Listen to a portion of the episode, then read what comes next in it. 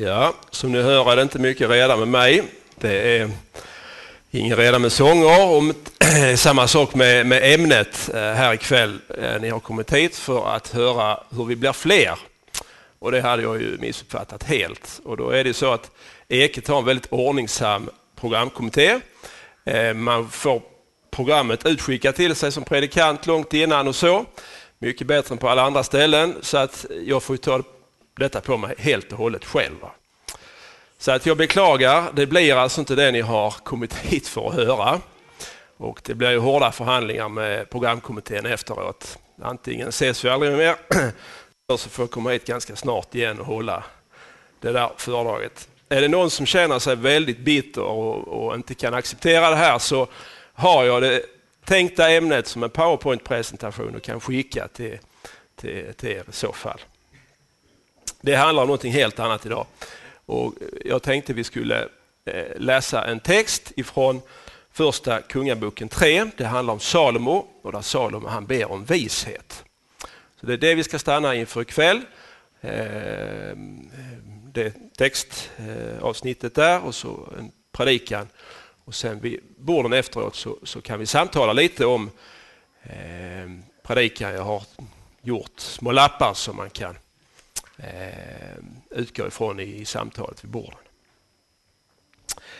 Eh, vi ska samla oss, stanna inför Kungaboken 3. Det är verserna 1 till och med 15. Eh, där vi läser, jag läser folkbibelns översättning. Det finns biblar, eh, de sprids i lokalen här. Genom giftermål blev Salomos släkt med farao, kungen i Egypten.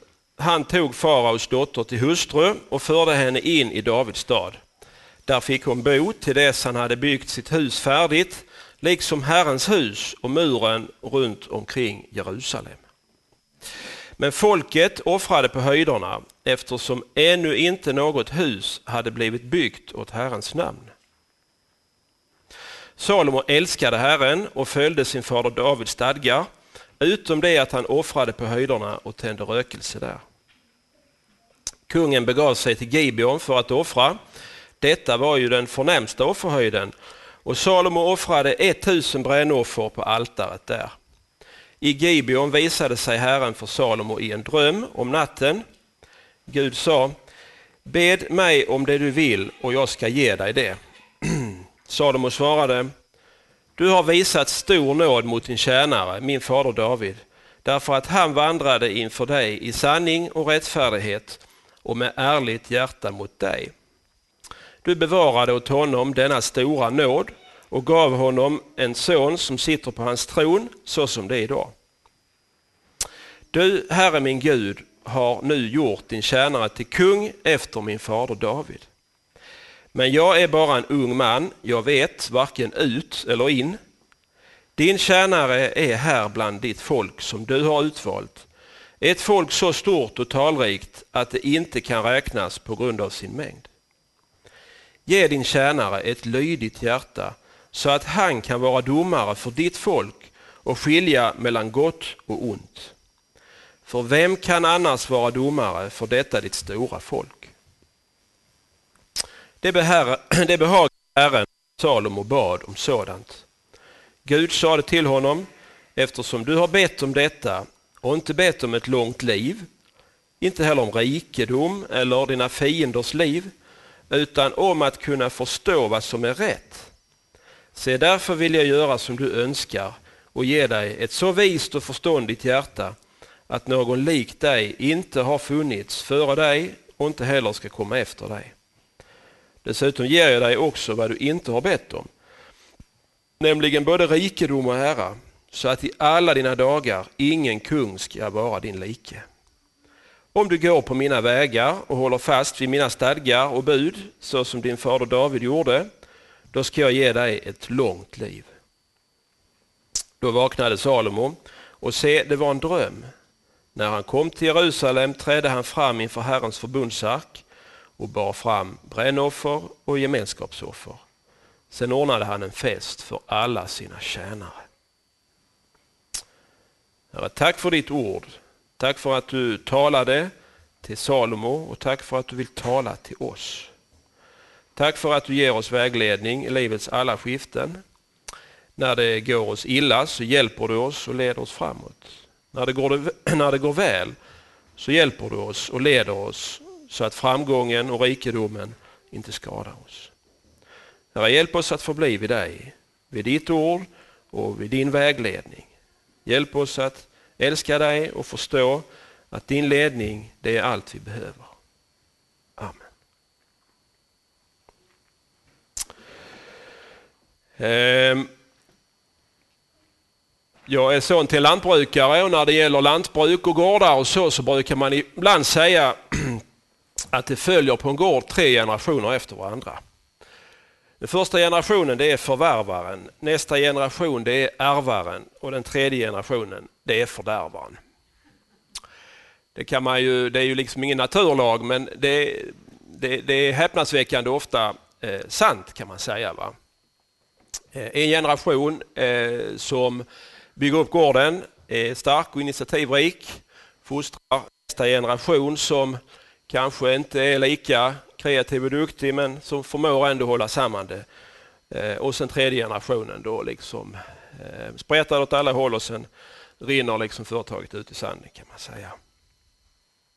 Den här bilden ska vi ha med oss när vi funderar på vem Salomo han var. Salomo, vem var han? Ja, vi får börja med att säga några ord om hans pappa, hans far. Salomo han var son till kung David och kung David han var ju den största kungen i Israels historia. Han var eh, en stor krigare. Jag ska säga tre saker om David så är det krigare, han var en karismatisk ledare och så det tredje K det är kaospappa. Eh, som är lätt att komma ihåg. Först krigare. Han var ju den stora härföraren som ledde Israels folk. Han eh, tog över ett rike i sönderfall efter Saul och så genom militära segrar så byggde han upp ett, ett mycket stort eh, rike. Och han besegrade sina fiender med små medel och med, med Guds hjälp. Han var en mycket karismatisk ledare. Han hade av allt att döma naturgåvor som gjorde att när han redan var en, en enkel soldat och, och, krigsman så framstod han för folket som en stor ledare så att han till och med överglänste kung Saul och det, det ledde då in en konflikt mellan dem. Och det verkar i Davids eh, fortsatta liv som att han nästan bara behövde visa sig eller öppna munnen va? så följde folk honom. Han var den självklara ledaren för sitt folk. Tyvärr var han då ingen god ledare för sin familj och, och hemmet. Eh, det var stor eh, oreda och, och röra kring Eh, Eh, David. Han eh, levde illa med kvinnor, han hade många kvinnor och han eh, fostrade en barnaskara som, som sprättade åt, åt alla håll. Eh, han fostrade eh, barn och ungdomar som eh, hade livet av varandra, eh, som föll, hemföll åt eh, maktkamp och, och stridigheter och, och så. Och man kan förstå att, att han var ingen god ledare för, för hemmet. Där ser vi många exempel på eh, i historien hur stora ledare är helt oförmögna att, att vara en god ledare i det lilla. Att eh, leda sin familj och, och, och ta vara på, på, på, sin hustru kanske och, och, sina barn och leda dem in i, i, eh, i ett gott liv. Så så var det. I den miljön växte Salomo upp han var barn till Batseba som ju David på orätta vägar hade kommit att gifta sig med. Och han blev tidigt föremål för sina bröders avundsjuka och det blev strid om makten och ur den striden så gick Salomo eh, segrande. Vad kan vi då säga om Salomos egenskaper? Ja, det första det var att han var en mycket god administratör. Han fick ta över eh, riket eh, eh, lite abrupt när hans far hade dött.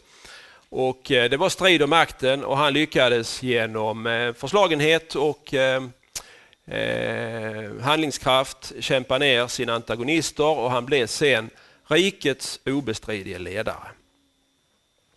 Och så är han lite annorlunda än sin eh, far. Han är inte en militär ledare på samma sätt, utan han är mer en administratör. Det han ärvde det var ju ett militärt erövrat land och det var liksom ingen fungerande stat kan vi förstå. Utan eh, det, det, det, var liksom eh, upp till honom att bygga upp ett fungerande samhälle och en fungerande stat och en skatteuppbörd och annat som, som liksom kunde konsolidera landet. Va? Och det lyckades han väldigt väl med. Han skapade ett väldigt stort välstånd för sig själv men också för sitt folk genom att utnyttja landets strategiska läge, säkert. Det är ju handelsvägarna mellan Nildeltat där det fanns eh, en framstående kultur och så tvåflodslandet, Eufrat och Tigris. Och de hade handelsutbyte med varandra och mittemellan där låg eh, Israel och kunde dra nytta av, av läget. Han byggde allianser med andra stater och han skapade Eh, fred med de mäktiga grannarna. Och det var ju nödvändigt för det var ju i jämförelse med, med grannarna ett, ett ganska eh, litet rike. Och det är i ljuset av detta som vi får förstå att Sadom han gifter sig med faraos dotter. Det var ju det första vi fick veta i vår text idag. Eh, det var ju så eh, länder och riken gjorde för att eh, hamna på god fot med varandra man gifte sig med, med varandras kungahus. Va? Och det, tanken är då att man drar inte i, i strid mot sina barn och sina eh, barnbarn och, och så. Va? Så man kan säga att Saul, eh, Salomo han, han var en, en förvärvare.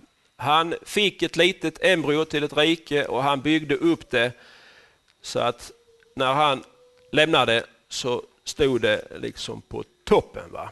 Det var så stort och så mäktigt som det aldrig någonsin hade varit tidigare och faktiskt aldrig någonsin kommer att bli senare heller. Det andra vi ska säga är att han var ett kultur kulturellt multigeni. Han var inte bara en duktig administratör och eh, ledare för riket utan han var också en, en kulturperson. Eh, vi får räkna med att flera av Gamla testamentets böcker går tillbaks på Salomo. Det är inte helt oomstritt, men jag tror vi får räkna med det. Ordspråksboken där han samlar ordspråk och, och visdom eh, eh, är ju en del av vår bibel. Eh, vi har inte ett så hjärtligt förhållande till det som lutherska kristna, men många andra kristna traditioner, till exempel den reformerta traditionen, där är det mycket vanligt att man har en, en predikotext ur Ordspråksboken och det är en av de första böckerna man sätter i handen på nykristna. Och så.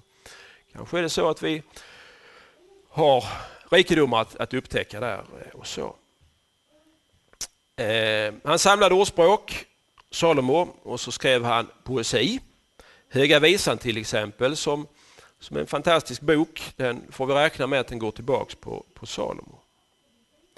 Och så har vi då Predikaren, en suggestiv bok som handlar om en gammal man som eh, summerar sitt liv och vi får också räkna med att, att det går tillbaks på eh, Salomo.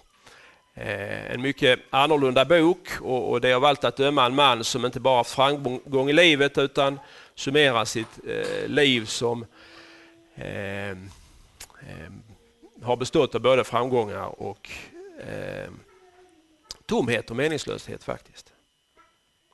Det var så att Salomo han väckte uppseende redan i sin samtid. Det är inte bara vi som läser de här texterna 3000 år senare som kan förvånas över hur man redan då kunde skriva så här.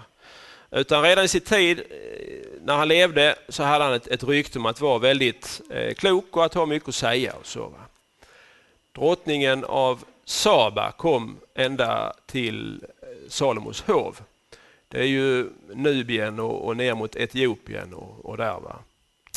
Eh, de reste långt för att få träffa Salomo. Han var en person som, som väckte uppseende. Det tredje vi ska säga är att andligt sett så var han en, en vagabond. Det vill säga en person som, som sökte på många olika ställen och som inte har någon klar linje i sitt liv andligt sett. Man kan säga att när han var ung och när han börjar, det är så vi möter honom här, så är han av allt att döma en mycket hängiven och en mycket trogen lärjunge till eh, Herren. Om vi räknar med att Höga Visan är skriven av Salomo så är det i så fall när han var mycket ung och när han ännu var gift med bara en kvinna eh, och, och så. Va? Och då, då kan vi känna igen eh, ja, synen på mycket i livet från det som, som var Israels tro. Men sen är det så att, att eh, han är inte bara Guds förtrogne utan han är också, åtminstone efterhand, en dyrkare av andra gudar. Det antyds i vår text att han offrade till, till andra gudar. Det gjorde han tidigt. Han var en hedonist, en livsnjutare, någon som efterhand tog sig väldigt många hustrur, kanske 1000 hustrur. Eller hustrur och flickvänner. 700 hustrur och 300 bihustrur tror jag att han hade. Och så blir han då efterhand när han har druckit eh, liksom livets bägare i botten en nihilist.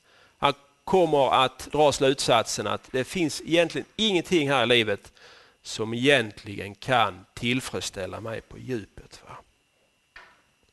Han börjar som en förälskad, monogam, ung människa, redo att uppoffra allt för den han älskar. Och till slut, eller efterhand åtminstone, så, så är han liksom en, en depraverad eh, man som har ett helt harem och som ändå inte är, är liksom nöjd och lycklig. Va? Så då kan man säga att han är en modern människa helt enkelt. För visst är det så med oss också. Vi har fått smaka väldigt mycket gott i vår tid. Jag tänkte på det, eh, ni tycker kanske att prata om en 3000 år gammal kung, vad, vad rör det mig? Va? Det är ju så oerhört annorlunda, det är ett enormt avstånd i tid. Va? Och sen var han kung och, och, jag är bara en enkel människa på en liten ort i en liten hörna av världen. Va? Va, vad är kopplingen? Hur rör detta mitt liv? Va? Men är det verkligen så? Va? Vi ser på hans bana genom livet att han andligt sett är mycket lik västvärldsmänniskan. Och vad tror du om du hade bjudit hem Salomo efter predikan idag här? Va, vad skulle han ha sagt? Va? Ni hade satt er i din bil kanske. Han levde på toppen av välstånd på den tiden. Han skulle blivit imponerad av din bil och att du kunde åka vart du ville utan att anstränga dig. Och så kom han hem till dig och så det huset du bor i, även om det är mycket enkelt och du lever fattigt och enkelt, så är det förmodligen ändå tätt och det finns vatten och det finns avlopp och, och annat. Va? Eh, jag är säker på att Salomo han, han fick frysa på vintern i, i sitt Eh, tempel, va? eller i sitt slott. Eh, för det, man hade inte den standarden som, som vi har idag. Och så hade du öppnat kylskåpet och satt fram mat eh, till honom. Där finns ju mat från hela världen. Va? Vi äter thailändskt ena dagen och sen äter vi svensk husmanskost andra dagen och tredje dagen äter vi italienskt. Vi har liksom hela världens rikedomar hemma i vårt kylskåp och, och väldigt varierat och, och så. Va? Jag tror han skulle bli imponerad av det. Och fick han se din TV och den underhållning som, som den kan ge, va?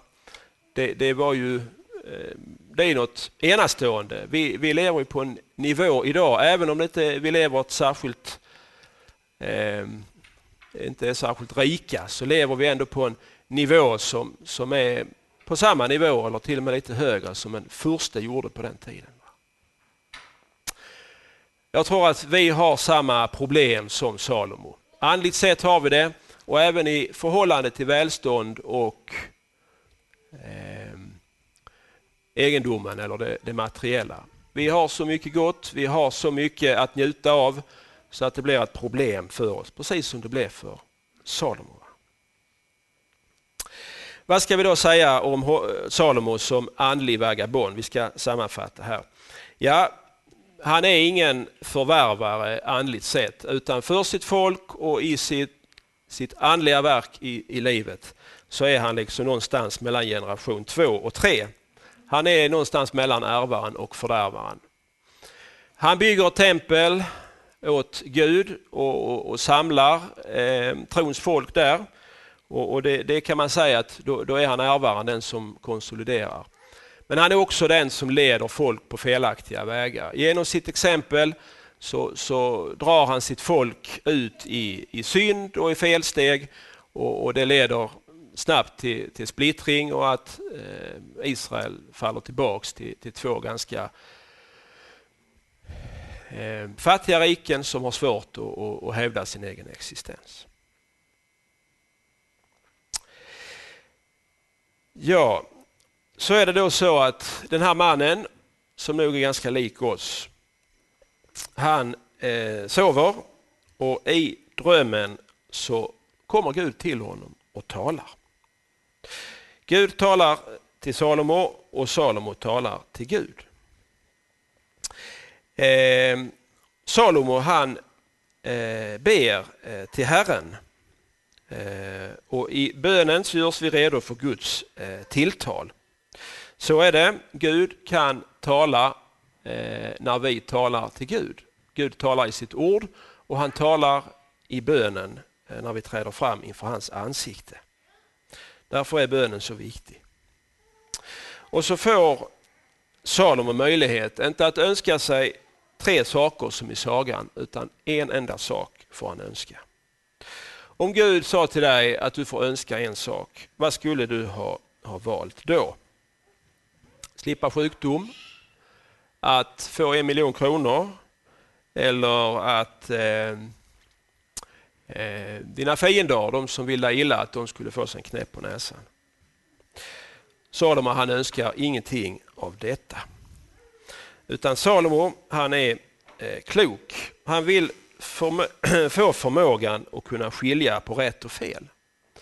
Därför att han har självinsikt. Han är en väldigt ung människa vid det här tillfället. Han är ung men han är inte ung och dum. Utan han förstår att hans erfarenhet är begränsad och han behöver liksom vishet och klokhet som han inte har av sig själv. Eh, och så ber han om eh, vishet. Salomo han visar på ett mått av ödmjukhet. Han är klok nog att förstå att han har inte hamnat i den här positionen som landets kung på grund av att han är så fantastisk. Utan det är andra skäl som gör att han har fått den här möjligheten. Man skulle kunna säga att han är en hundkristen och inte en kattkristen. Vet ni skillnaden på hundkristna och kattkristna? Det är en mycket viktig skillnad. Och då utgår det från en bild. Tänk er en djurägare som Eh, bestämma bestämmer sig för att mitt husdjur ska jag göra allt för. Jag ska köpa det bästa fodret, jag ska köpa den bästa sovplatsen, bästa kattsanden eller det bästa benet eller vad det nu kan vara som ett, en hund eller en katt eh, kan önska sig. Och satsar verkligen, offrar av sin tid och sina pengar för att husdjuret ska ha det bra. Om då husdjuret är en katt, vad tänker katten om han får vara med om allt detta? Då tänker katten, äntligen. Äntligen har husse förstått hur fantastisk jag är. Äntligen så får jag allt det här som jag egentligen alltid har eh, känt att jag har rätt till. Äntligen så, så kan jag liksom sträcka ut och, och leva mitt i, i det här som egentligen är mitt. Sånt är ju kattens kynne, eller hur? Va? Katten står i centrum i sin värld och, och eh, husse är liksom en, en bifigur. Men om eh, husdjuret är en hund, vilken slutsats drar hunden? Han drar en annan slutsats än vad katten gör. Hunden drar slutsatsen, wow, vilken husse jag har. Vilken godhet, vilken fantastisk generositet. Jag får allt detta. Vilken glädje, vilken fantastisk eh, möjlighet jag har att få leva med en sån husse. Och för hunden står inte han själv i centrum utan det är ju husse, ägaren. Hunden vill göra allt för att det ska fungera mellan hunden och ägaren och, och vara till en stor glädje för sin ägare. Vi är som kristna i samma situation som de här två eh, husdjuren är. Vi har en eh, far i himmelen som har gjort allt för oss och som ger oss allt vi behöver plus eh, lika mycket. Och Då är det viktigt att dra rätt slutsats av detta. Att vi inte drar slutsatsen som katten drar och som säger äntligen, nu förstår alla hur fantastisk jag är. Utan vi måste göra som hunden Hunden är den kloka, den som kan verka så korkad i, i första vändan. Va? Wow, vilken herre! Det är ju vår Herre, det är hans kärlek, det är hans initiativ. Det är att han lättar på plånboken, det är att han förstår vad jag behöver som gör att vårt liv har sådana möjligheter. Salomo han är en, en, en hundkristen. Han kunde dra slutsatsen att det är för att han är så fantastisk och att han har så fantastiska gener och att han har en sån att han har gjort så mycket. Det gör han inte. Han drar slutsatsen att det är Guds godhet som gör att jag befinner mig eh, här. Och så drar Salomo också slutsatsen att nu gäller det. Nu gäller det att jag frågar efter vishet och förstånd så att jag kan förvalta allt detta som jag har fått på ett rätt sätt. Salomo han frågar efter vishet och Gud han gillar att Salomo frågar efter eh, vishet. Salomo frågar inte efter vad Gud kan ge. Han söker inte Guds gåvor framför Gud själv. Utan han vill bli lik Gud själv. Han vill bli lik honom som är hans himmelske far. Och Det är också vad Gud eh, vill. Han vill att vi ska bli lika honom. Och vi som lever i löftesuppfyllelsens tid, han vill att vi ska bli lika Jesus. Han vill återupprätta gudslikheten hos människan som ju finns där ifrån skapelsen. Vi är skapade till Guds avbild och så har vi genom synden eh, halkat av banan och så behöver vi liksom på nytt bli lika eh, Gud. Salomo ville detta och Gud vill detta. Han vill återupprätta gudslikheten. Eller för att använda Rosenius ord, det återupprättade gudsbelätet. Gamla ord som är svåra att förstå, men de var ju helt centrala i, i hans förkunnelse. Människan gör sig lätt bilder av Gud och då är risken att vi tillber de här bilderna. Det är liksom historien om människan i många kulturer. Vi gör oss ett beläte, en avbild och så tillber vi det. Gud vänder på det och säger att du ska bli det belätet. Inte för att tillbes utan för att ge Gud äran och för att vara medmänniskan till hjälp. Gud han vill återupprätta gudslikheten som finns ifrån skapelsen. Och det gör han genom att vi blir lika Jesus. Vi behöver göra samma sak som Salomo gjorde. Vi behöver fråga efter Jesus för att bli honom lika.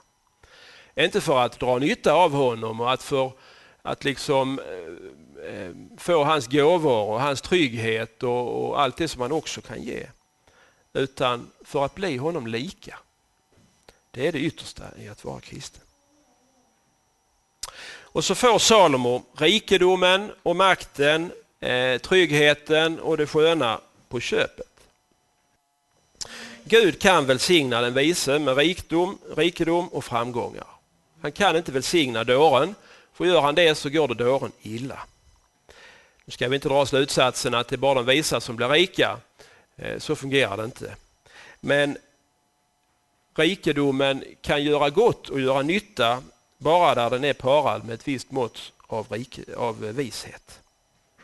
Dåren skadar sig själv med det. Men den som är vis och rätt tar vara på Guds gåvor kan få välsignelse och kan bli till välsignelse. Gud han säger till Salomo, om du går på mina vägar och håller fast vid mina stadgar och bud så som din fader David gjorde, då ska jag ge dig ett långt liv. Salomo han skulle få svårt med just det som Gud väntar sig av honom i den här situationen. Han gör inte som han bör. Han har just gift sig med faraos dotter och det skulle inte en jude göra.